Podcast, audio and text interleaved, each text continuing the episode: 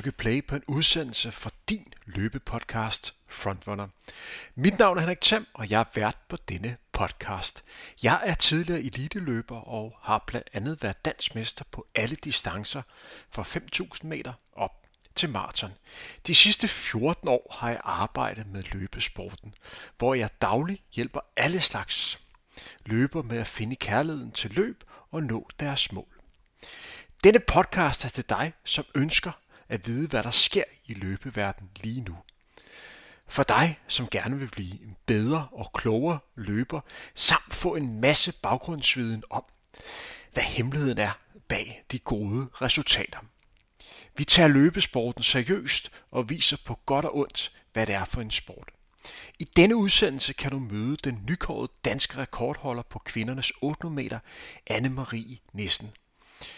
Hun har kun løbet få løb på distancen, men alligevel har hun slået en rekord, som har stået siden 1994. Faktisk blev den løbet stort set samtidig med, at hun blev født. Udsendelsen er bragt i samarbejde med Sarkoni. Det er altså dem, som gør denne snak mulig. Før vi går i gang med snakken med Anne-Marie, kommer her en besked fra vores partner. De afholder nemlig et løbeevent i Dyrehaven den 28. september fra 18.00 til ca. 19.30. Man mødes ved Fortunen. Hvis du plejer at løbe i Dyrehaven nord for København, så ved du, hvad jeg snakker om. Her kan du få en masse gode råd til, hvordan du kommer bedst igennem et af efterårs helt store løb på hjemlig grund, nemlig det traditionsrige imitageløb. Jeg vil være til stede sammen med den mange doble vinder af netop det løb, Dennis Jensen, som også har den danske rekord på 5.000 meter med 13.25, og sammen vil vi fortælle om vores oplevelser, samt lave en fed omgang løbetræning til dig. Du kan sagtens være med, selvom du ikke skal løbe i metageløbet. Ønsker du ikke at gå klip af denne oplevelse, så gå ind på Sarkonis Facebook-side og læs mere. Jeg kommer også til at smide et link ind i shownotesene under denne beskrivelse af udsendelsen. E-løbet er et løb, som betyder meget for mig. Det var her, jeg som 11-årig løb mit første rigtige løb. Det var et løb, hvor jeg startede stort set bagerst. Senere har jeg haft den fornøjelse at løbe med start nummer 1. Det vil sige, at jeg har taget en rejse igennem hele feltet. Løbet vækker en masse minder for mig, da løbet har en stemning og historie, man ikke kan finde mange andre steder. De sidste par år har jeg været speaker derude, og det skal jeg også i år. Men nok om e-løbet. Skal vi ikke starte på den spændende og meget motiverende snak med den 28-årige løbekomet Anne-Marie Nissen. Rigtig god fornøjelse. Velkommen til, Anne-Marie Nissen. Tusind tak. Tak fordi jeg måtte komme. For få dage siden, der satte du dansk rekord på 800 meter og slog en rekord, som har stået siden 1994. Den har lige fyldt 28 år. Hvordan var det? Det var, øh, det var lidt surrealistisk på en måde. Øhm, altså jeg kunne se på uret ved 600 meter mærket, at, øh, at vi lå i et højt tempo. Øhm, jeg lå i anden position hele løbet igennem, øh, og havde, ellers, havde et ret uforstyrret løb i virkeligheden. Øhm, og så, så kunne jeg bare se, okay, den er der måske ikke. Og jeg er jo ikke så rutineret på 800, så man er jo hele tiden lidt i tvivl om, uh, rammer det nu, rammer det nu, ikke? Men jeg kunne mærke, at jeg var godt kørende. Og så ned ad langsiden, så sagde jeg bare til mig selv, hvis jeg ikke passer på, så bliver det her sgu dansk rekord. Kom nu, kom nu lige det sidste, ikke? Og så fik jeg lige færden af, at jeg kunne presse hende foran mig. Lige en lille smule. Jeg, jeg fik hende ikke, men øh, da vi kom i mål, kunne jeg se, at hendes præliminære tid, den var, hvad hedder det, den var, øh, var 2, øh, 00, 29, får hun, ender hun med at få. Og så kunne jeg godt regne ud, så, er det altså, så, så må jeg, jeg må have den. Men man vil gerne lige have det bekræftet, ikke? Så jeg stod bare længe og gik lidt rundt om mig selv, og åh, sådan tog mig lidt til hovedet, og kunne bare ikke få den tid hurtigt nok. Jeg fandt de løb på, på nettet, nu er du også lagt op på din Instagram. Mm. Og jeg har godt set, at da du kom i mål, var du sådan, du var glad, men du vidste ikke, hvor, hvor glad du helt kunne tillade at være.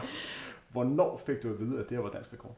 Jamen, jeg, jeg kommer ud, og så sidder jeg ude i mixzone, eller det ved jeg ikke, om det er sidder til sådan en almindelig stævne egentlig. Men jeg sidder ude med mine ting og tager min telefon, ikke? og så, øh, så skriver min træner Michael Jørgensen, han skriver, du er crazy, og med masser af udopstegn. Og så jeg svarer bare, tror du, den er der? og dansk flag. Og så går der lidt, så han opdager tiden før mig, øh, og så sender han øh, resultatlistet der, ikke? Og så, ej, ja, det var, det var bare helt vanvittigt. Men det er, også, det er jo specielt det der med, at man går i en periode og er ret sikker på, at den er der, men kan ikke helt juble. Og så når man får det bekræftet, så er det ikke helt den der over... Altså, man er ikke helt lige så overvældet, vel, som øh, hvis, hvis jeg slet ikke havde haft en idé. Hvad sker der efter, man har sat en dansk rekord? Kan du gøre lytterne klogere på, hvad der sådan kommer til at ske, eller hvad der skete de efterfølgende øh, timer? Hvordan var det for dig? Øh, jamen, altså øh, det første, man skal tjekke på, det er jo at få en dopingkontrol, så det, der går ret meget praktik i den egentlig. Øhm, ens telefon begynder øh, at gå helt øh, bananas med søde beskeder og lykønskninger. Man er jo også, jeg var selv meget sådan, det her, det skal ud til verden. Det var sådan, man kan, jeg kunne slet ikke, øh, altså, jeg kunne slet ikke være mig selv, vel? og jeg, ja, så får jeg heldigvis fat i nogle søde organizers, øh, og for så tjekke på, at jeg godt kan få en dopingkontrol øh, der, og så, jeg sådan, så var kvindernes 400 meter hæk, den var lige umiddelbart efter, så jeg var sådan, kan jeg ikke lige få lov til at se den først? Både Marta fra Danmark skulle løbe, og jeg har sådan en norsk veninde, der skulle løbe. Så ville jeg egentlig gerne lige øh, have lov at se, og man ved jo også godt, man kommer til at sidde deroppe i noget tid før man rigtig kan afslutte den øh, dopingkontrol alligevel. Så jeg stod bare og fik noget vand, og så hækken der, og havde det også lidt specielt med at se hækken. Jeg fik lidt FOMO stadig, selvom jeg jo næsten ikke kunne være af mig selv af glæde. Kunne du sove efter sådan en øh, sådan løb, der jeg ud for, der sådan er rimelig meget adrenalin, der sådan pumper rundt i? Øhm, nej, jeg, jeg kunne ikke øh, sove overhovedet. Øhm, og det kunne jeg heller ikke, efter jeg havde løbet i fredags. Øhm, hvor jeg også jeg slog en stor personlig rekord, og allerede der, der, der tænkte jeg jo, det var det sindssygste, ikke? Øh, så der kunne jeg ikke sove, og, og, og, og så, så jeg, jeg havde været ret meget søvnunderskud egentlig i, i dagene op til løbet, og af samme grund havde jeg også drukket helt absurde mængder af koffein. Jeg havde drukket tre espresso shots og sådan et pre-workout shot. Øhm, altså både på grund af, at man jo er så glad, og slet ikke kan forstå det, og er helt ekstatisk, så havde jeg også så meget koffein i kroppen, jeg tror slet ikke, det var muligt. det kan jeg lytte, som I garanteret har gættet jer til, at vi skal have fokus på i dag, er den danske rekord, som den meget talentfulde løber Anne-Marie Nissen satte for, for få dage siden. Men før vi skal gå endnu mere i dybden, så vil jeg lige komme med en kort præsentation af dig. Du må endelig ret til, hvis der er ting, jeg ikke får, får sagt øh, rigtigt. Du er født den øh, 8. juli 1994. Du løber for, for Sparta, bliver trænet af Michael Jørgensen, som efterhånden har rigtig mange dygtige løber i sin stald. Blandt andet en løber, som lige har fået bronze ved Europamesterskabet på, på 200 meter. Kære lytter, I har garanteret gættet, øh, hvem vi snakker om. Af personlige rekorder, da jeg gik din personlige rekord igennem, så slog det mig faktisk, at der er nogle rekorder, som er hurtigere indendørs end udendørs. Det er der måske en god forklaring på. Det kan du øh, få lov til at svare på efterfølgende. Men jeg har slået op til, at du har løbet 200 meter på 25-66 indendørs. Er det korrekt? Det lyder rigtigt. 400 meter, der har du 64-68 indendørs, og så 54-50, der står registreret som mix. Det går ud fra, at det er et blandet felt, så der så været herre med ja, i øh, feltet. Og så er der altså løbet dansk rekord på 800 meter med de her 200-58, som kun er få dage gammel. Og så har du en personrekord på 400 med hæk på 57.04. Du har lige deltaget i Europamesterskabet i 400 med hæk i München. Den oplevelse skal vi også øh, snakke om. Så har jeg taget mig frem til, at du har fem individuelle danske mesterskaber så er der også noget stafetmesterskaber. Øh, Nuværende dansk mester i 400 meter hæk udendørs, og så 400 meter og 800 meter indendørs. Er det korrekt? Det er, det er helt korrekt. Mm. Og så arbejder du som jurist i øh, Justitsministeriet. Det lyder fancy. Men årsagen til, at jeg rigtig gerne vil snakke med dig, det er, at jeg må tilstå, at det var en stor overraskelse for mig at kunne se, at den danske rekord blev slået af, af dig på, på 800 meter. Jeg har været i det her game her siden slutningen af 90'erne. Jeg har kendt rigtig mange kvinder, som har jagtet den danske rekord, som du har, har fået nu her. Vi snakker kvinder som Heidi Jensen, Rikke Rønholdt, Louise Mørk, Dagmar Olsen, Stine Trost, Anne Mine Møller, Mia Mørk, øh, Mathilde Digema, og jeg kan nævne flere, der alle sammen har jagtet den her danske rekord på 800 meter, som du inden for få løb har taget. Jeg har slået din, øh, din rekord op og kunne se, at igennem flere år har du mest løbet sprint, 100, 200 meter, 400 meter, 400 meter hæk. Sidste år prøvede du kræfter med 800 meter. Jeg løb sådan 208, 209, løb 205 til, til DM indendørs, som er en god tid øh, indendørs på, på 800 meter. Og så kom du i gang og kvalificerede dig til Europamesterskabet på, på 400 meter hæk. Og så kom du tilbage igen nævne lidt, at du kunne mærke, at du havde lidt tro på, at du godt kunne løbe stærkt på, på 800 meter. Så har du løbet 205, 200, 201 øh, højt, og nu er altså øh, dansk rekord. Et meget svært spørgsmål, men du får det alligevel. Hvorfor er det lige dig, der har fået den danske rekord på 800 Ja, det kan jeg ikke svare dig på. Men øh, jeg ved ikke, jeg synes, øh, jeg sagde til min træner, da vi øh, talte i telefon sammen, lige da vi fandt ud af, at jeg havde løbet den danske rekord, der sagde jeg til ham, at jeg synes pludselig, det giver mening, det er jeg er god til til træning nu.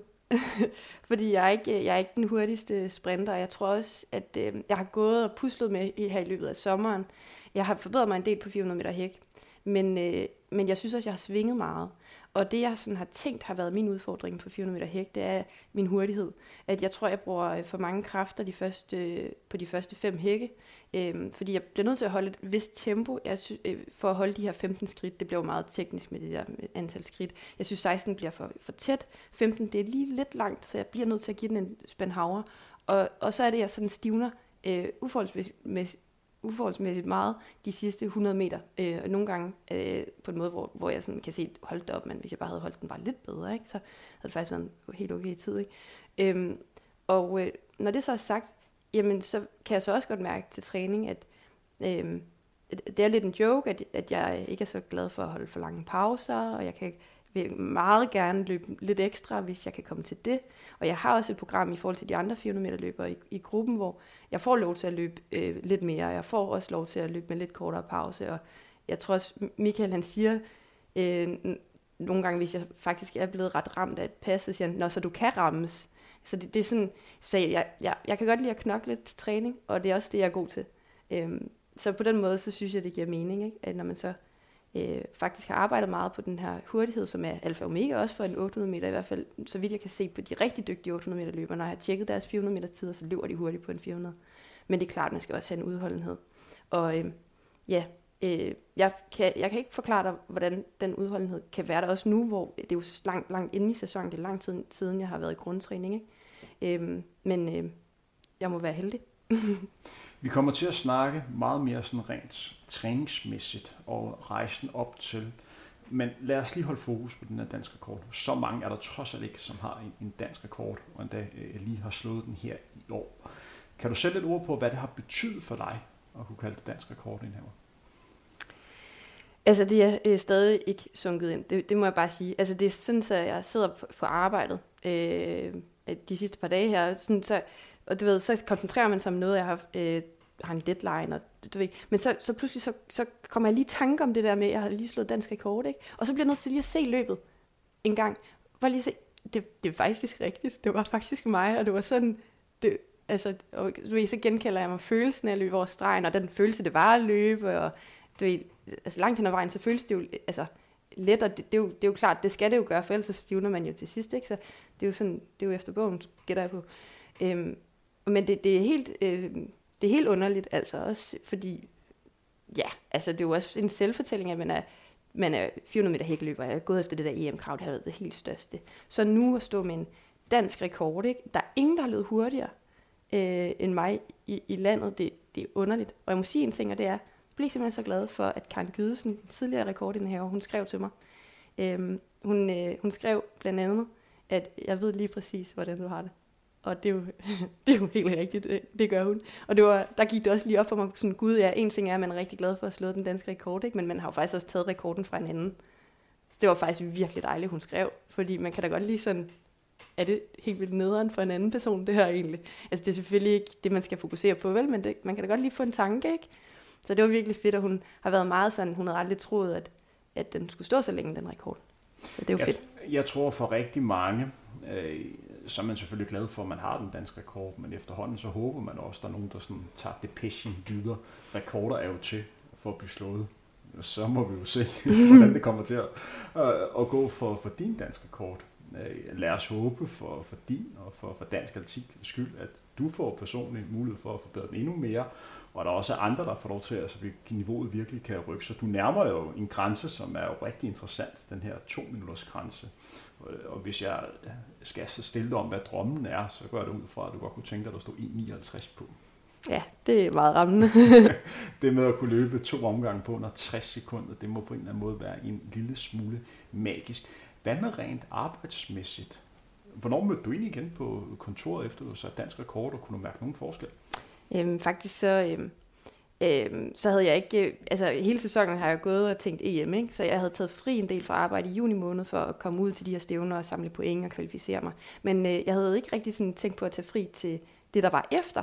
Så øh, i virkeligheden så har jeg bare, bare fået lov til at arbejde hjemme fra Ungarn. Så det gjorde jeg. Så jeg fløj bare sent om aftenen efter arbejde, øh, og så arbejdede jeg hjemmefra, og så tog jeg ud og, og løb, og så øh, arbejdede jeg sådan set også dagen efter på vej hjem. Så det var sådan lidt, ja, så øh, bliver man lige taget tilbage til normal øh, verden. Ikke? Men har det fyldt noget for dine kollegaer? Kan du mærke, at der er folk, der har taget øh, kontakt til dig? Øh. Mine øh, kolleger er helt enormt øh, opbakkende, virkelig.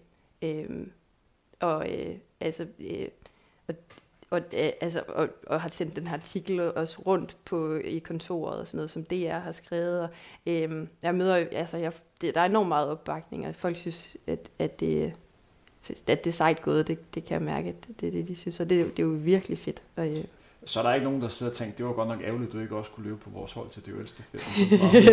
Så uh, det, ud fra, du nærmest har det er min dårlige samvittighed, fordi jeg havde nemlig oprindeligt tænkt sådan, okay, uh, DHL det er efter EM, ingen problem. Så jeg var endda sådan, jeg var den, der tilmeldte vores hold. Jeg er i ja. formuretskontoret, jeg tilmeldte vores hold, og jeg var sgu fedt. Jeg havde første turen, og ingen problemer der. Og så kunne jeg godt se, oh, det kan jeg ikke. Det er faktisk lige præcis den dag, jeg så skal løbe i Ungarn, ikke? Og så så prøvede jeg at finde en reserve, men det lykkedes ikke. Så øh, ja, så du rammer lige min dårlige samvittighed. for sådan en 5 km i fældeparken passer generelt ikke så godt ind til sådan noget 8 km træning. Nej, men jeg havde glædet mig lidt. Jeg havde troet, det kunne også være lidt sjovt at sådan se. Nu ved jeg godt, at man ikke kan løbe hurtigt hurtigt til DHL, vel? Men man får da trods alt en tid på en 5. femmer. Jeg har omgået rigtig mange øh, jurister og advokater, og ofte blevet lidt overrasket over, hvor meget sådan, altså løb rent faktisk fylder, også cykling bliver snakket om. Kan du sætte lidt ord på, øh, om den jargon stadigvæk er der, man sådan snakker meget om øh, sin løbetræning eller cykeltræning, når du snakker med dine kollegaer? Øhm, altså, der er mange, der dyrker sport, synes jeg. Øhm, der er også, øh, jeg, jeg havde en, øh, en kontormarker, øh, som øh, løb maraton og den slags, så det er helt klart noget, der skinner igennem. Jeg, jeg synes helt generelt, så er der jo en ret stor løbebevægelse egentlig. Øhm, eller, eller også, cykelbevægelse. Altså, folk er, er jo rigtig, rigtig aktive. Det er jo virkelig fedt, at det er sådan. Øhm, så, øh, og, og det er jo også, jeg tror også, når folk de træner lidt selv, så tror jeg også, de synes, det er interessant at høre om, hvordan man træner sådan, altså seks dage i ugen, som jeg gør, eller ved jeg sådan, hvordan det hænger sammen, ikke? Hvis vi sådan har fokus lidt på reaktionen fra dine kollegaer, her snakker vi sådan rent træningsmæssigt, og øh, de, de løber, som, som du løber med til daglig. Hvordan var reaktionen der? Det må have stukket helt af af lykkeønskninger for folk, der bare tænker, wow, det er det der er for vildt at det er virkelig overvældende. Folk er enormt søde. Det, det må jeg bare sige. Øhm, og det, altså, ja, det, det bare virkelig dejligt. Men det er jo også ens rigtig gode venner. Rigtig mange, altså, så er atletik heller ikke større, så man får et stort netværk, ikke? Og mine allernærmeste venner, jeg tror, de er jo lige så overraskede, som jeg var, og min træner var. Altså, det, altså jeg kunne godt se, at den der 204-tid, det var, det var egentlig der, der var folk også sådan, det skulle øh, okay og solo og sådan, ikke? Øhm, og så at løbe i, et, i felt, altså nu tager den lige, det er de der tre løb, jeg har løbet inden ja. for den her sidste periode, ikke? hvor jeg i fredag så løb øh, lige under 2, øh, 02, ikke? Og der, der, der var der jo også, det var jo sådan, ud af det blå, bare, og sådan, øhm, men jeg kunne så også godt se, at det var ikke et optimalt løb, jeg løb der i fredags. Altså jeg, jeg ligger i 6. position efter 400 meter, og skal, kommer til at ligge ude i kurven, øh, altså hele, hele det øh, fra 400 til 500, faktisk også igen fra, øh, fra 600 til 700. Og så har jeg rimelig meget skyde med, stivner så lidt til sidst, fordi den får lige lidt for stort et ryg, tror jeg. Men når man så løber den, altså den der tid, så tænker jeg, okay, måske hvis jeg lige ligger lidt bedre fra land, og ikke sådan skal rykke så meget der til sidst, så kan det faktisk godt ske. Og det tror jeg også godt, folk kunne se. Jeg lagde løbet op derfra i fredags. Så, så altså, altså på Instagram, og så tror jeg også godt, folk kunne se, okay, der er faktisk måske lidt mere at hente, ikke?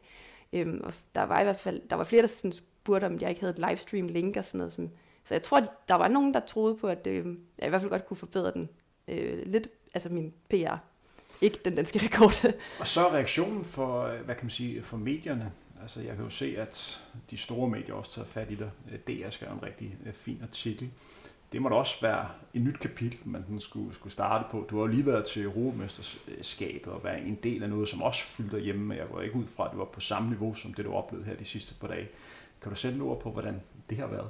Ja, det er jo, det er jo meget øh, altså spændende. Øh, men jeg vil også sige, at jeg var rigtig, rigtig glad for lige at have været til EM der, og så kunne observere lidt fra afstand, altså den massive opmærksomhed, Ida øh, Kaster fik med sin bronzemedalje. Øh, sådan som man holdt op, ikke? Altså sådan, jeg, jeg tror, så, øh, når man har set nogen, man er tæt på, jeg boede på værelse med Ida, så jeg, vi havde meget dialog omkring alt det der, hun skulle, og mediehalløj og sådan noget. Så, så det er ikke helt lige så øh, ud af det blå, og sådan helt vildt langt ude. Øh, som man ellers skulle tro, øh, det, det ville være. Så du har godt kunne rumme det? Øh, jeg har i hvert fald forsøgt. det virker sådan i hvert fald. Lad os gå lidt tilbage, og så holde fokus på, hvornår den her beslutning om 800 meter begyndte at, at blive realiseret. Hvem var det, der, der tænkte, at 800 meter kunne måske være en rigtig distance for dig? Var det din træner, Michael Jørgensen, eller var det dig selv? Øhm, altså, min familie har altid sagt 800 meter. Min mor har sagt 800 meter, min far har sagt 800 meter, min svigerfar og svigermor har sagt 800 meter. Og jeg tror, det er det der med, at jeg stivner lidt til sidst, eller jeg ved ikke, hvad det er på 400 meter hæk, men de har alle sammen sagt det. Øh, og jeg selv og Michael har Michael synes, jeg skulle løbe mere 800 indendørs, kunne jeg mærke, men der var jeg meget fokuseret på, nej, jeg skal jo være, skal løbe 400 hæk, ja, så skal jeg løbe 400 indendørs, ikke? så løber jeg så den der enkelte. Men her i slutningen af sæsonen, der, der, har det, altså, der var det jo min egen oplevelse der øh, i, øhm, i, i juli måned, hvor jeg var har til et løb i Sverige.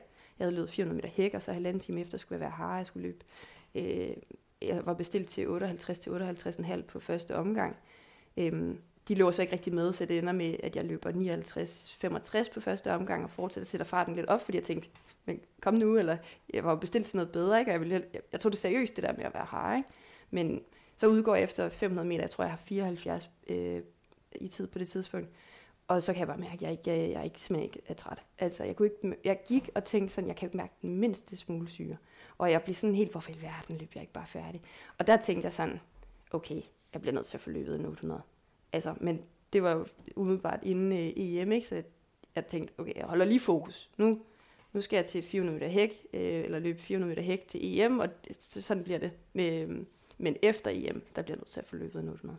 Også lige for at understrege, hvor god tid det er, som du har løbet. Så hvis vi bare forholder sig til Europamesterskabet, og øh, vi vil også lige nævne, at Europamesterskabet i år var en lille smule anderledes, på grund af, at vi har haft verdensmesterskabet, som blev afviklet et, et par uger før. Øh, så, så der niveauet var lidt anderledes, end man normalt øh, vil, vil opleve. Men med den tid, som du løb, ville det jo ikke være helt utænkt, at vi begyndte at snakke om en finalplads. Det ville godt kunne lade sig gøre, hvis, hvis tingene spillede. Øh, så, så det er jo en, en tid, som også internationalt er en tid, hvor man har noget at gøre. Mm. Og du nærmer dig jo kravet til de rigtig store mesterskaber, verdensmesterskaber og de, de olympiske lege når vi snakker sådan direkte øh, kvalifikation, og de er virkelig rykket sig. Det er virkelig svært øh, at gøre det. Men rent træningsmæssigt, ser du dig selv som en 400 meter hækkeløber, der løber 800 meter, eller en 800 meter løber, som løber 400 meter hæk? Jamen altså, det er jo, det er jo helt klart øh, det første, men jeg, det kræver jo en altså, transition, ikke? Indtil det øh, andet. Altså, jeg, jeg, det, jeg tænker, jeg har ikke haft en endelig snak med Michael endnu, men nu er mit niveau så meget bedre på 800 meter. Og det er helt bestemt realistisk, altså også fordi der er jo de her rigtig skrabe direkte krav, men når jeg ser på, hvad folk, der øh, kvalder til de store mesterskaber, øh, eller til VM via World Rankings, så, så har jeg et helt klart niveau til det. Øh, og, og det har jeg jo slet ikke på, øh, ikke slet ikke, men det, det har jeg ikke på 400 meter hæk. Vel, så, så det er helt, øh, altså, så, så det synes jeg jo på noget, jeg bør satse på, ikke? Og så bliver jeg jo 800 meter løber. Men, men jeg synes også, man, eller vi skal, og det skal jeg jo tale med Michael om, men skal jo også holde fast i de ting, der har fungeret rigtig godt i min træning. Jeg, jeg står på startstregen og føler, at jeg har et overskud. Øh, jeg føler, at øh, jeg vil kunne trykke forbi øh, dem, jeg står ved siden af med, og det giver altså noget selvtillid. Altså at vide, at man har en, bare en lille smule fart, øh, overskud måske. Og det, var en, det er en følelse, jeg har, og det, kan, det, det vil jeg gerne holde fast i. En følelse af at være hurtig. Men da jeg så de løb, ja. og jeg så også de, de løb, som du løb øh, i fredags, det slog mig sådan, hvor jeg efterfølgende sad og overvejede med mig selv, var det udtryk for, at din udholdenhed var rigtig god?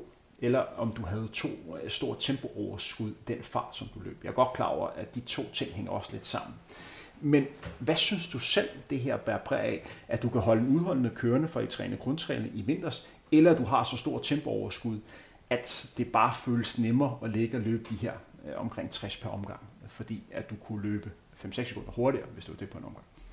Ja, det er jo, det er jo en, en blanding, det er det helt klart. Altså fordi, øhm, man er ikke lige så træt øh, på at løbe, øh, eller efter at have løbet 59 på første omgang, hvis man kan løbe rigtig, rigtig meget hurtigere på 400 meter, det er klart. Men, men man vil jo blive træt, hvis man ikke også har noget udholdenhed. Så vil den her syre ophobe sig, og man, altså det, så, så, så, og, jeg, og jeg ved jo også, at det er jo ikke, altså jeg er en, en, eller har været i hvert fald, en sprinter, der godt kan lide at, at, at løbe tempo, altså sådan løbe en tur i parken til opvarmning. Det er ikke lange ture, og det, det er jo peanuts i forhold til, hvad, hvad, hvad rigtige øh, mellemdistanceløbere gøre, men jeg gør det trods alt mere øh, end de andre 400 meter løbere i min gruppe i hvert fald.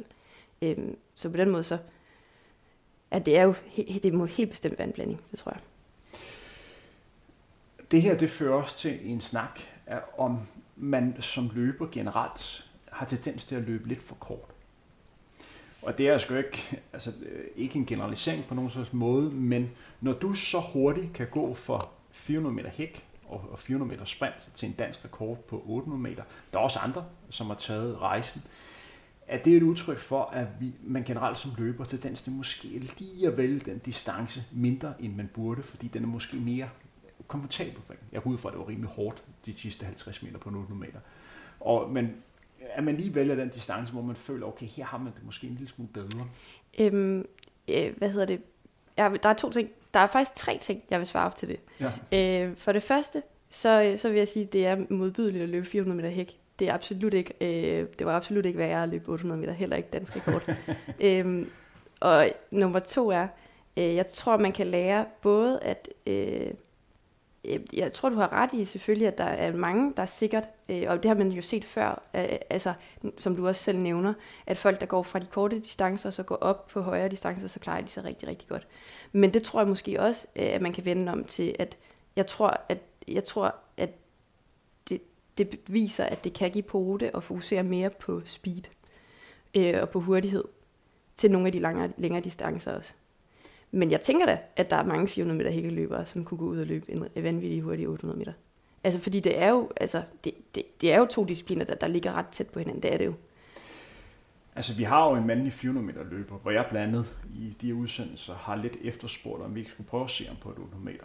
Carsten Warholm kunne jeg godt tænke mig at se på på en 800 meter, fordi jeg tror faktisk, han har kapacitet til at løbe tider, Øh, hvor vi begynder at nærme os, og vi begynder at snakke, er det interessant for en, som har en verdensrekord på 400 meter hæk, men han skal også sætte sig øh, nye mål, og når man har en verdensrekord, så kan det måske være svært lige at, at holde knisten ellers, men jeg kunne godt se ham som en løber, som kunne øh, løbe 1,40 eller 1,41 eller 1,42, fordi han har den speed. Øh, vi har også den kvindelige verdensrekordholder på, øh, hvad kan man sige, 400 meter, øh, McLaughlin, virker også som en løber, som vil have udhold. Hun virker som en løber, der rent løbestilsmæssigt minder meget om dig øh, der vil også have kapacitet til at kunne løbe en ganske fornuftig 800 meter. Øh, men vi har også haft, øh, hvad kan man sige, eksempler på det modsatte. Vi har jo Benjamin Lobo Vedel, øh, som i år satte dansk rekord på, eller tankerede den dansk rekord på, på 400 meter, løb 45,5. Han prøvede jo sidste år at, løbe 800 meter, og, og øh, han løb nogle ganske habile tider, men ramte den alligevel ikke der i forhold til hans niveau på, på 400 meter. Øh, hvis vi går tilbage i historien, så kan jeg også nævne, at jeg tror, det er den tredje hurtigste øh, 400 meter løber, mandlige løber, vi har en der Jamie Royner, prøvede at have løbet 43. Nogle 30 prøver også at gå op og løbe 800 meter. De første 600 meter så det øh, fantastisk ud, men derefter døde han bare de sidste, sidste 200 meter.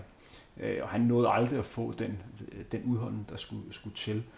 Så, så altså, det er svært nok at generalisere, men jeg tror alligevel, det er interessant øh, i din historie, om man, sådan, om man sådan generelt kan få det til inspiration til andre, at der måske skal kigge lidt mere på, på distance. Man kan også vente om at sige, hvad med en 1500 meter for dig? Eller kunne det også være interessant, eller er det simpelthen bare for langt? Øh, altså, du er ikke den første, der spørger, øh, men jeg tænker, det ligger øh, ret langt fra det, jeg har lavet. Ikke? Jeg, jeg, jeg Altså, jeg kan rigtig godt lide den træning, jeg laver nu, og det har virket ret godt på 800 meter. Der er sikkert noget, der skal justeres, eller jeg skal nok formentlig løbe lidt mindre hæk, men, men, ja, det, det, det er også, jeg synes også, det er lidt skræmmende at skulle tænke sig, at man så pludselig skal løbe rigtig mange lange tempoture og sådan noget. Hvad sker der ikke? Hvad sker der så med kroppen og det, man har bygget op nu, og den følelse, jeg har, som er virkelig fed lige nu? Altså, så det er også sådan lidt, øh, jeg tror på, øh, også for at lige at kommentere på det her med øh, for eksempel Benjamin øh, Lobo ved, jeg tror altså også, at hvis man ligger øh, sit træningsprogram markant om, så tror jeg virkelig, man skal give det nogle år, før det, man kan øh, altså, høste frugterne. Så jeg tror ikke, man kan bruge en enkelt sæson som egentlig øh, indikator på, om det virker eller ikke virker. Jeg tror, jeg tror, hvis man laver markante ændringer i sin træning, så bliver man nødt til at give det noget øh, tålmodighed. Og altså, det, det, jeg har ikke nogen øh, fysiologisk øh, eller idræts faglig baggrund eller noget. Det, det er bare det, det er sådan en fornemmelse, jeg har. Øhm, så, og det, ja. Som andre ord, hvis man tager dig som eksempel og siger, at næste år går vi all in på, på 800 meter, og, og siger, at man må tro, at hvis du laver endnu mere specifik 800 meter træning, at du måske kan komme endnu længere ned. Øh, og der er det måske ikke nok at snakke sådan 1,59 højt, men måske 1,59 lavt, eller i bedste fald 1,58 højt. Altså, det burde jo være realistisk ud fra, hvad du har præsteret nu her. Så kan man sige, okay, vi begynder at arbejde endnu mere med udholdenhed, men du bliver nødt til hele tiden at holde den her speed ved lige. Fordi mm. hvis du ikke har den speed ved lige, så taber du jo der, hvor du nok er allerbedst. det er nemlig, at du har farten samtidig. Og det er jo sådan et puslespil, hvordan man skal, hvordan man skal vægte det her. Ja. Fordi hvis du forbedrer din udholdenhed, og så samtidig bliver dårligere der, hvor du er, hvor du er rigtig god, så kan det måske være ligegyldigt. Det er det. Det er jo det, der er faren, ikke? ja, så det er der, hvor man virkelig skal, skal tænke sig om. Vi skal også lige have fokus på Europamesterskabet i München, hvor du var med på, på 400 meter hæk. Hvad var det for en oplevelse for dig? Det var en kæmpe stor oplevelse. Det var en kæmpe stor drøm at komme til et stort mesterskab. Det er sådan noget, altså for nogle år siden, jeg, jeg har altid tænkt, det var fuldstændig urealistisk. Altid. Øhm, så jeg, jeg kunne forbedre mig rigtig meget. Jeg forbedrede mig to sekunder sidste år på 400 meter hæk. Øh, og kunne så se, okay, Øhm, nu er det faktisk virkelig realistisk, men jeg kunne også se, okay, det bliver på det her nye kvalifikationssystem, World Rankings. Jeg kommer ikke til at klare det direkte krav, så det kræver øh, altså virkelig en indsats med at komme til mange stævner, få præsteret på et nogenlunde stabilt niveau. Øhm, og, øh, og, og det var noget, jeg tænkte på hele, altså hver, til ene, hver eneste træning sidste år. Øh, fra efteråret og frem og hele foråret og sådan noget. Virkelig tænkt meget på det her EM. Det var bare det, jeg ville. Ikke? Øhm, så det var, at det lykkedes, var bare en kæmpe sejr. Øhm, og, øh, og det var kæmpestort at være øh, nede i München. Det var fedt, vi var så stor en delegation. Det var fedt, det var i München på det her olympiske stadion, som er helt fuldstændig, man bliver fuldstændig slået bagover, væltet bagover, når man sidder derinde på tribunen. Øh, jeg sad og så Benjamin øh, Lobo Vedel og Gustav Lundholm, mine to øh, træningskammerater, øh, løb øh, indledende heats på øh, 400 meter om mandagen, og jeg sad og rystede på tribunerne, fordi det er bare så stor en scene, og jeg, jeg synes egentlig, nogle gange kan jeg godt føle, at jeg godt kan finde ud af at takle mine nerver og den slags at være sådan i nuet og sådan noget, men pludselig ramte det mig bare, jeg var sådan, det må bare ikke blive onsdag, fordi jeg, det kan slet ikke, slet ikke, det kan slet ikke. Men så blev det onsdag, og jeg begyndte at varme op, og så føltes kroppen, oh, det var egentlig en god opvarmning, og altså, det, jeg ved ikke, så føltes det bare så fedt, vejret var godt, min familie var kommet derned, og vi skulle ud og have vinersnitzel bagefter, og en, vejsbier, ja, præcis, og øhm, altså, så, og så pludselig så slappet af i det og nød det, og, og, og, og tænkte os bare, ved du hvad, det er jo, øh, der er en blok, der er 10 hække, det er 400 meter, og så er det jo bare at nyde det. Men er det ikke rigtigt, at man ved ikke, hvad der venter en, før man lige pludselig står i det ved sådan et mesterskab? Man kan snakke så meget om det, men det er først, når man står på startstregen, at man rigtig ved, hvad der kommer til at ske. Jo, altså jeg havde talt øh, nede i styrkerummet i Sparta, der havde jeg mødt øh, Ole Hesselbjerg, vi har talt lidt om det her med mesterskab, og han har jo meget mesterskabserfaring. Og han gav mig det tip lige at, lige at huske at stoppe op, øh, når man står inde på banen, ikke, og det, det er nu, det skal ske, og så lige få kigget op på tribunen og tage, tage hele oplevelsen ind. Og, og øh, det gjorde jeg, og det var, øh, altså, det, det var jeg egentlig glad for. Det giver lige lidt ro, ikke? Man, skal også lige, man bliver nødt til lige at, at nyde at være der. Og det er fuldstændig som du siger, man ved ikke, hvordan det er, før man er der. Jeg havde ikke troet, at jeg skulle sidde der og ryste to dage inden. Altså slet ikke kunne, øh, jeg, altså, jeg var så nervøs helt ind i maven. øh, fordi, og, og folk der siger, jamen du har jo gjort det tusind gange før. De har selvfølgelig ret i det, for du har du gjort det mange gange før. Men det er bare noget helt andet at præstere under pres. Fordi det handler om, at du skal præstere. Altså, jeg kan ikke huske præcis, hvornår det var om onsdagen. Du løb. Hvornår præcis var det om onsdagen, vi skulle løbe? 11.40. 11.40. Det var meget præcist husket. Øh, så det handler ikke om, at du skal være klar 10.30 eller 12.30. Du skal være klar præcis 11.40. Mm. Og du har et minut til simpelthen at få alt det ud, som du har trænet inden for de sidste par år. Mm. Og, og der står piger ved siden af dig, som har præcis det samme mål som dig. Mm. Og, og det er bare hardcore, at man skal bare være klar, når det, når det gælder. Men også på en eller anden måde sådan ganske fascinerende. Ja, og man tænker jo altid, at så overpræsterer man nok. Ikke? Jeg tænkte, at det bliver til EM, jeg løber under de der 57 sekunder. Jeg havde 57.04, som du også nævnte i starten af programmet. Jeg ville så gerne under og få en af de der 56 tider. Og så tænker man, ej, det havde bare været virkelig fedt at gøre det, men når man så også lige zoomer ud og så tænker, okay, jeg har løbet, jeg tror 11 400 meter hækkeløb i år, altså hvorfor skulle jeg lige ramme et helt andet, altså et nyt niveau lige der, eller sådan. Altså folk, de præsterer jo rimelig meget øh, gennemsnitligt af, hvad de ellers løber den sæson. Det, sådan er der jo. Og så er der nogen, der selvfølgelig har, altså laver en vanvittig formtop lige der. Men så kræver det altså, at man er rigtig, rigtig god, ikke? Og har kvalificeret sig i god tid, tror jeg. Kan du sætte lidt ord på, hvad det betyder for dig, den her øh, kvalifikation på ranking? Øh, fordi hvis vi kigger, og den verden, som du nok også kigger ind i øh, næste år, hvor at, kan du huske, hvad det direkte kvalifikation er til, øh, hvad kan man sige, til VM på 8 meter næste år? Ja, 51-80. 51-80. Øh, og man har jo skærpet kravene rigtig, rigtig meget. Det bedste eksempel nok er at kigge på herrenes 100 meter, hvor du skal nå 10-0 for at komme direkte med. Det er godt nok hurtigt. Altså, det, er der, det er der ikke mange, som, som der gør. Og det gør, at en løber som dig skal ud og jagte rent øh, kvalmæssigt. Jeg har godt været lidt bekymret for, at det betyder, at vi har en del løber, som får et lidt øget stressniveau, fordi der er bare endnu mere pres, for det handler om at komme ud og finde de rigtige løb, og finde de løb, hvor der er flest mulige point. Det giver flere point at løbe Diamond League, øh, for eksempel. Det giver også flere point at løbe stærkt til de nationale mesterskaber. Og man først allersidst kan få vide, om man er med eller ej, fordi der er også andre løber, der står i, i samme situation. Og det bliver endnu mere vigtigt, at man har den rigtige manager og kommer ind i de rigtige felter. Du har været lidt igennem det samme op imod Europamesterskabet. Hvad var det for en oplevelse for dig? Ude, udefra virker det sådan en lidt stresset periode for en atlet. Det, det er helt bestemt øh, enormt øh, stressende, fordi man ikke ved, hvad der skal til. Og man ved ikke, om der er... Øh, man, der, der er sådan en øh, Road to Munich, hvad hedder listen, øh, som løbende bliver opdateret øh, igennem sæsonen, hvor man kan se, om man er inde eller ude. Men der er masser af spøgelser på den liste, fordi det kræver fem løb at være øh, at have en world rank, altså en world ranking position. Og hvis man kan se, at der er nogen på, hvis man sideløbende går ind på toplisten øh, over Europa, ikke? og kan se, at der er, nogen, oh, der er nogen, der har løbet rigtig hurtigt her. Hvorfor er hun ikke på øh, Road to Munich? Ikke? Så kan man så opdage, at det er, fordi hun kun har fire løb. Ikke? Så ved man godt, okay, lige om lidt, så bliver jeg jo banket en, en plads ned. Og det, det kan jo ske løbende. Ikke? Så man aner ikke helt, hvad der skal til. Hvor det er jo fordelen ved et øh, mere opnåeligt direkte krav, at man ved, hvad der konkret skal til. Til gengæld, så, øh, så, så er fordelen jo, at man ser færre, der falder fuldkommen igennem, som har sat en eller anden grisetid et eller andet sted i højden, eller et eller andet, og som slet ikke øh, kan løbe det samme niveau igen. Øhm, så tror jeg, at det her system, altså hvor man, det kræver fem tider, trods alt gør, at, at, at det, det er noget, folk rent faktisk kan præstere, det her niveau. Men øh, det, der, hvor jeg synes, det bliver øh, et ubehageligt system, det, det er, når det bliver sådan lidt politisk. Ikke? Altså sådan, der, er, der er jo nogle nationer, der har Diamond League, øh, som du selv nævner, ikke? hvor man kan få vanvittigt mange point for at være en national atlet, som får bane 1. Øh, så selvom man løber mega langsomt i forhold til de andre, så får man jo helt vildt mange point.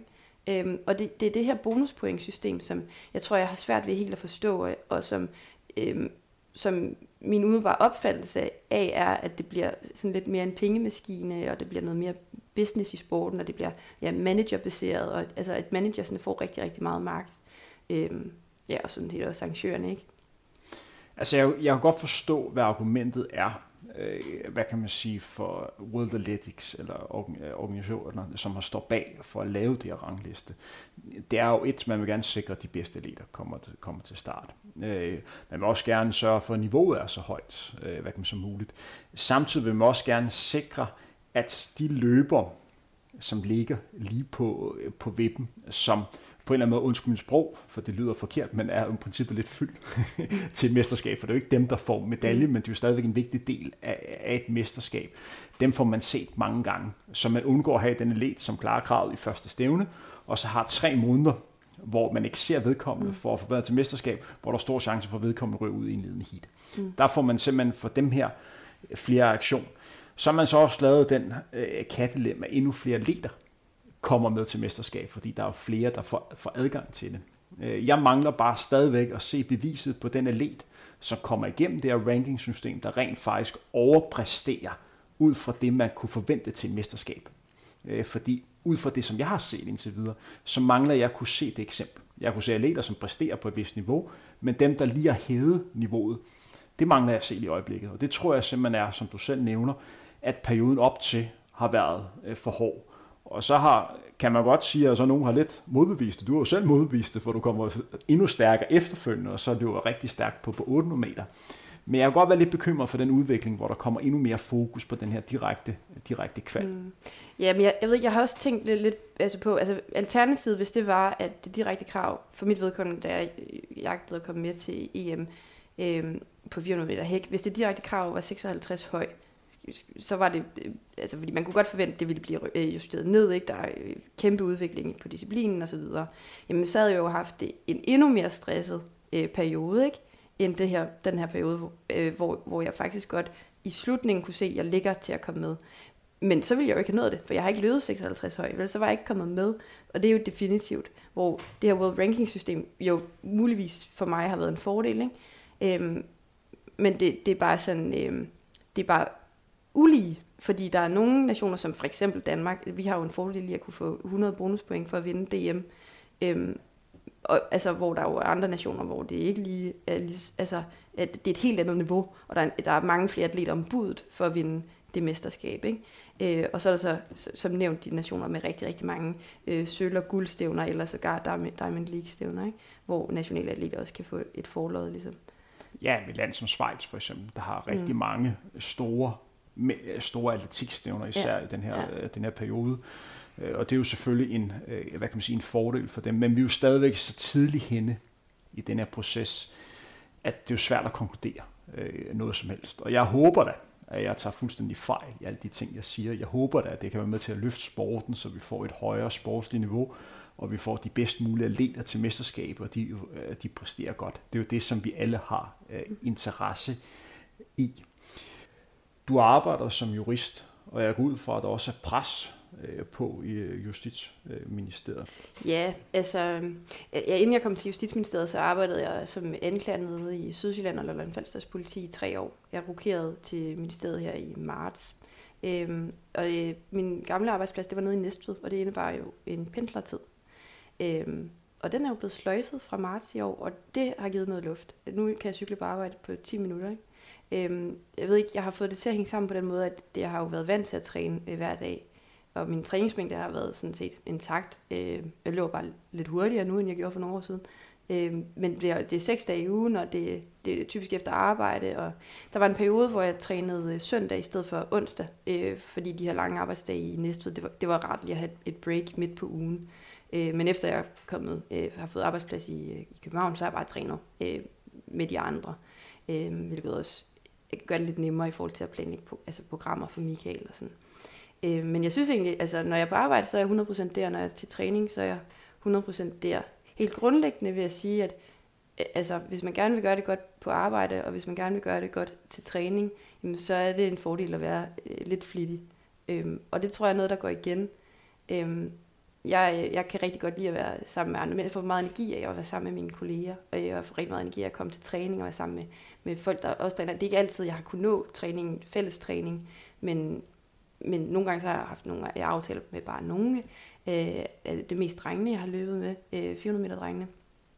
Øhm, og så har vi set hinanden ligesom, og jeg synes, det, den der, det der sociale aspekt, det giver mig rigtig, rigtig meget. Jeg tror også, øhm, altså det er svært for mig øh, helt at, at forestille mig, hvis jeg var helt pro-atlet, øh, så ville jeg i hvert fald virkelig skulle finde ud af at lave et eller andet øh, andet. Altså jeg kan godt lide at tage tøj på om morgenen og skulle også levere noget på arbejde. Det, det giver mig rigtig meget glæde at føle mig produktiv i løbet af dagen. Hvor meget snakker du arbejde med, øh, med dine træningskollegaer? Er det noget, som der fylder?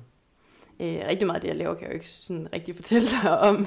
Vel, men jeg fortæller dig om, øh, jeg har haft den her situation, eller du ved, der er jo mange ting, der altid går igen. Jeg tror ikke, jeg gør det mere eller mindre end, end andre. Øhm, men, øh, altså, men det fylder jo selvfølgelig noget, ikke, når man bruger meget tid på noget. Men øh, ja, jeg ved ikke. Øh, men jeg synes også, det, det er dejligt bare at kunne fokusere på, hvor man er, ikke? Øh, og så er der alle mulige andre øh, altså ligegyldige ting, man så taler om, eller du ved, en eller anden nyhed eller noget. Altså. Men hvad med at holde stressniveauet nede? Fordi det er jo stadigvæk et arbejde og en idrætsgren, hvor der er pres på. Jeg går ud for, at du skal præstere både på arbejde og øh, præstere rent sportsligt. Hvordan kobler du af? Hvordan holder du stressniveauet nede? Hmm, ja, øhm, ja, altså før i tiden, så synes jeg faktisk, at den der pendlertur gjorde noget godt, ikke? at man lige fik sådan en, en pause. Og der, der har jeg lige skulle sådan finde ud af, hvordan får jeg den pause nu her i hverdagen, fordi det frigiver jo noget tid. Det, altså, der har været øh, nogle perioder, hvor jeg har arbejdet rigtig, rigtig meget i ministeriet, også meget mere, end jeg gjorde før, hvor det så bare var pendlertiden, jeg brugte på arbejde. Ikke? Øhm, men, øh, men, men men man kan jo også godt, der er jo nogle dage, hvor jeg simpelthen bare er tidligere hjemme nu, ikke, end, end, end, end før. Og det gør jo også, at så har man tid til mange flere aftaler. Jeg, kan, jeg har altid rigtig, rigtig godt kunne lide at have aftaler også i hverdagen med venner og familie, og jeg rigtig gerne se min kæreste også. Og, øhm, og, og så, kan, så kan jeg godt mærke, at der er nogle dage, hvis jeg har aftaler hver dag i en uge, så, så bliver det måske lige lovligt meget. Ikke? Øh, man skal også lige nå at få handlet og vasket noget tøj på et tidspunkt. Og så, men så lige at have et par hjemme øh, aftener, hvor man bare ser serie og bare sidder med sine kompressionssokker og sin massagepistol og øh, spiser aftensmad i sofaen, så synes jeg, så kan jeg igen. Og jeg vil så også sige, hvis jeg har to aftener, sådan nogle der, øh, eller nej, det kan jeg sagtens, men, men hvis jeg har en, øh, en søndag eftermiddag og aften, så, så får jeg også for meget af det der sofa øh, liv. Altså, jeg, jeg kan rigtig godt lide at være, være sammen med folk og lave ting. Du er 28 år nu. Ja. Øh, hvor mange år giver du i elitekarrieren har du, har du sagt, at det skal prioriteres de næste 2, 4, 6, 8. Har du lavet den her snak med dig selv? Det er virkelig, øh, virkelig svært at, og sådan at gisne om. Altså, jeg havde ingen idé om, at jeg skulle gå efter at komme til VM eller OL nu. Jeg havde altid tænkt i hvert fald to år til, ikke? Altså, øh, for jeg er ikke klar til at stoppe øh, nu. Øh, men men det, altså, man ved ikke, hvor man står. Det synes jeg, den her sæson har vist. Man ved simpelthen ikke, hvad der sker, og øh, ens forudsætninger for ens beslutnings, og ens beslutningsgrundlag kan simpelthen bare ændre sig lige lynhurtigt. Øh, så altså, jeg tager i hvert fald OL. Øh, det må være sådan. Som er i Paris øh, 2024. Mm. Vi skal gå ind og kigge sådan, øh, for dig som løber, og så tager udgangspunkt i, at du nu står med den, den danske rekord på, øh, på 200.58. Vi har snakket lidt om det tidligere, men endnu mere konkret. Hvor ser du, du stadig kan forbedre? Øhm, ja, altså... Altså, jeg, jeg tror stadig, jeg godt, øh, hvis jeg havde haft flere løb i år, så havde jeg formentlig tænkt, at jeg skulle satse lidt mere på en lidt hurtigere første omgang, eller et eller andet sted i løbet. Altså det, det er også lidt svært. Jeg ved jo ikke så meget om det, vel, men det, det, jeg tror da godt, jeg kunne lide lidt mere. Øh, men, men det er jo også en hård fin grænse, ikke? Øh, men altså, det, det er jo klart, at nu har jeg jo det er jo det er lidt svært jo ikke, fordi nu synes jeg, jeg har ramt et niveau, som jeg sådan slet ikke havde forestillet mig, at jeg skulle have. Øhm, og øh, min optakt har været at løbe 11 øh, gange 400 meter hæk øh, til stævne ikke, gennem hele sæsonen. Og det er jo ikke sådan vildt... Øh, ja, det er lidt svært at gøre igen, ikke? øh, og det tænker jeg jo heller ikke, jeg skal. Jeg tænker jo ikke, det er optimalt. Men øh, det er da også sådan lidt, hvad hvis det var optimalt? det kan da godt være, det er optimalt. Det kan da godt være. Øhm, så det, det, det, altså, Ja, jeg, ja, det, det nemme svar er jo selvfølgelig at tænke, at man skal være mere udholdende nu, ikke, når jeg har lavet sprinttræning. Men øh, jeg, tror, jeg tror stadig, at det vil være en kæmpe fordel for mig lige at være lidt hurtigere på en, øh, på en 400 meter. Hvis vi holder endnu mere fokus på, hvordan man løber det perfekte 800 meter løb. Øh, typisk er mine erfaringer på 800 meter, at den første 100 meter nok er den hurtigste 100 meter af de 8, fordi man skal bruge kræfter på, på at komme ud. Og så kan man vælge, øh, hvad kan man sige, forskellige måder, men hvis vi sådan kigger på, hvordan verdenskortene er slået, så vi har blandt andet en dansk løber, Wilson Kikpeter, som jeg tror, så har du ikke, Wilson? Det må du næsten have, har du ikke? Om jeg har mødt ham? Ja, det må du næsten ja, have. Ja, ja, ja. Altså, da han satte sin, øh, sin verdensrekord både inde og ude, er det jo nærmest løbet med fire identiske split på 200 meter. Øh, så noget tyder på, at, at det er en meget god måde, hvis man skal ramme det, øh, hvad kan man sige, det perfekte løb. Nogle gør også, at man lige har et par sekunder lige at give af på, på sidste omgang, for det er svært at holde den, den helt samme fart på anden omgang, som det er på, øh, på den første. Men for dig, hvordan vil den perfekte fordeling se ud? Ja, altså det ved jeg ikke. Nu, øh, nu kan jeg citere Ole Hesselbjerg igen, øh, fra en samtale nede i styrkerummet, øh, hvor vi snakkede om det der med, jeg berettede om min oplevelse som hare, og nu er jeg helt excited, nu vil jeg prøve at løbe en 400, og han spurgte lidt til, jeg ved ikke, hvad du tror, du kan egentlig på en 400, eller på en 800, jeg tror, jeg svarede noget men jeg tror, tror godt, jeg kan løbe 03. Øhm, og det vi så snakkede om i den forbindelse, det var også, at, det, eller han siger, at det er, jo, det er jo helt optimalt, hvis man kan, netop som du siger, løbe altså, ens splits, øh, i stedet for, altså, at det er, det er for dumt at, sagde han, som jeg forstod det i hvert fald, øh, at opbygge en hel masse laktat, som du ikke kan komme af med igen på de første 200 meter, for at kæmpe sig ind på en eller anden position. Det, det, altså, man kan jo godt positionere sig igennem løbet. Og det har jeg tænkt en del på. Jeg tænkte måske lidt for meget på det, øh, da jeg løb i fredags, hvor jeg ender i sådan 6. position, og så også ender med at skulle overhale en del og komme ud i kurven og i ydersiden. Øh, og så tænkte jeg, jeg kan godt være lidt mere modig den her gang. Øh, og så, så kunne jeg ikke forstå rigtigt, hvor de andre blev af. Øh, jeg havde ikke regnet med, at jeg skulle gå ind og løbe i anden position. Jeg løb mod nogle rigtig, rigtig øh, gode 800 meter løber, jeg har enormt meget respekt for. Så, og så, men pludselig så lå jeg der, og så havde jeg bare den der anden position, og så lå jeg der uforstyrret og kunne bare sådan holde dem bag mig hele vejen, og så, så, og så gik det. Men øh, det var et rimelig jævnt løb, som jeg kan se det. Det var også sådan, jeg oplevede det. Det var også et løb, hvor du ikke var udsat for det, som man kan blive udsat for en 800 meter, nemlig de her slåskampe, som er vel også noget nyt, som du skal forholde dig til, for jeg går ikke ud fra, at der er så mange slåskampe på en 400 meter hæk, hvor man primært bare skal holde sin egen bane. Man kan så komme i slåskamp med en hæk, men det er jo så en anden, det er jo så en anden sag. Men det mangler du vel egentlig stadigvæk at prøve, at hvor man ligger et felt, hvor man sådan skal kæmpe om banerne. Ja, altså jo, jeg, har, jeg mangler jo erfaring, øh, og jeg skal jo helt sikkert også ud og løbe rigtig dårlige 800 meter løb, med, meter, øh, altså sådan taktisk, øh, fordi at det, skal jo, det, det går jeg da stærkt ud fra, at jeg rammer, øh, når man ikke har det der erfaringsgrundlag til at træffe de rigtige beslutninger. Øh, men jeg vil sige, at jeg har løbet en, et, et, en øh, 800 meter til DM i Skive en gang, hvor der ikke er særlig meget plads, og man løber ind lige med det samme, ikke? Øh, hvor der har været voldsomt meget slåskamp. Jeg er faktisk endt inde på indersiden, så jeg har da prøvet det lidt, vil jeg sige. Men, øh, men nej, altså det er jo, jeg skal jo opbygge erfaring på den her disciplin, det er da helt klart. Men øh, jeg synes, mit udgangspunkt er, er godt, og jeg, øh, og jeg tror, det kan blive endnu bedre. Rent løbestilsmæssigt, fordi da jeg så din, da jeg så din løb, lagde jeg også mærke til, at du løber meget teknisk korrekt. Det ser sgu meget godt ud, øh, når du, Tak. når du løber.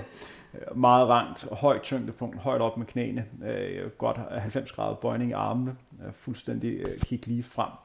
Hvor meget har jeg fokus på den her optimale løbestil? Altså Michael tænker jo meget på teknik. Øh, altså det, det er jo en stor del af det, og meget på at, have gode ankler. Og være, altså, men, men det teknik, jeg har løbet, det jo, har været til sprint. Jeg har jo ikke vildt meget erfaring med det, det her tempo, egentlig. Øh, jeg ved ikke, øh, altså, men jeg, jeg, jeg prøver at tænke, at jeg skal ligge højt. Øh, jeg, jeg tror, jeg engang har hørt Wilson Kipketer sige, jeg kan altså ikke huske, hvornår, og jeg ved ikke, om det er noget, jeg bilder mig selv ind, men jeg mener, jeg har hørt ham sige engang, øh, at man ikke kan syre, hvis man bare ligger højt i hoften. det er jo nemt at sige, når man har verdensrekorden, vil jeg sige. Men det er noget om det. Altså, Ja. man skal ligge, og det har jeg da tænkt, det har jeg tænkt på i mange år, at prøve at ligge op og have, jeg, jeg også bare det der med at få trækket vejret, eller trukket vejret øh, ordentligt og sådan. Men, men det skal jo også føles naturligt. Øh, og det synes jeg heldigvis, det gjorde. Men det, det, det bliver det jo nødt til, fordi ellers så, øh, så tror jeg ikke, at det, det er let for en vel, at løbe. Der findes jo rigtig mange historier med, med Wilson Kipketer. Mm. Og øh, den historie, som jeg fortæller nu, det kan være, du har hørt den, og det kan være, du ikke har hørt den øh, hjemme. Men jeg har hørt en snak om med ham og hans træner Novak, den måde, som de træner hans løbestil på. Øh, Det var, at for ham handlede det meget om igen, det der høje tyngdepunkt kom meget op på forfoden, så man automatisk kommer højere op med knæene, og dermed også får et øget skridtlængde. De kunne simpelthen høre på afsættet, hvor- hvordan han landede. Så derfor havde Novak, der lå nede og hørte på banen, så de simpelthen kunne høre, hvordan det lød, når han landede. For de vidste lige præcis, hvordan det skulle lyde. Så, øh, men der nørder vi også til den absolut guldmedalje, hvis man ligger der. Jeg ved ikke helt, om du kan få Michael til at ligge og høre efter banen. Men, øh, men han er opmærksom på det. Jeg tror, han, øh, jeg tror, han synes, at det er meget væsentligt, hvordan øh, det ser ud, når, når, man, skal, når man løber. Ikke? Altså, hvordan, Men sådan er det jo typisk også, når vi, altså, når, når vi ser det bedste løb. De løber, der løber stærkest, er også ofte dem, der ser ud, som har det nemmest. hmm. Ja, så på en eller anden måde, så hænger det jo øh, lidt sammen. Vi er ved at nå til, til vejs ende, men til allersidst, så skal jeg lige høre. Vi optager her sådan øh, i start midt september. Er sæsonen færdig for dig? Sæsonen er slut. Den sluttede i tirsdags, og ja, jeg, øh, ja, jeg også, jeg, inden jeg tog de her stævner i Ungarn, øh, så havde jeg tænkt sådan, åh, jeg også, altså jeg, vil, jeg er rigtig glad for at konkurrere, virkelig glad for det. Og jeg var også sådan helt, åh, det er snart slut, og så er der altså lang tid til næste øh, sæson, ikke?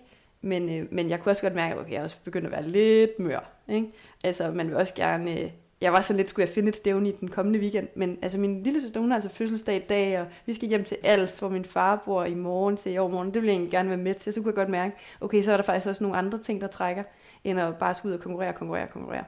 Og så var det jo en helt fantastisk måde at slutte sæsonen på. Ja, det må det også være, fordi altså, argumentet for at fortsætte nu her, er vel også lidt, at man sådan kører på den der den der lykkefølelse. Mm. At det må du have. Det stråler nærmest ud af dig, hvor man bare tænker, at alt kan nærmest lykkes. altså hvis der er nogen, der siger til dig, du skal prøve det under to minutter, så er man næsten så, ja, ja, jeg gør bare næste gang. så på en eller anden måde, så, så kører man jo bare, hvad kan man sige, derhen af. Men man skal også bare passe på, fordi på et eller andet tidspunkt, så, så rammer den jo. Så rammer den.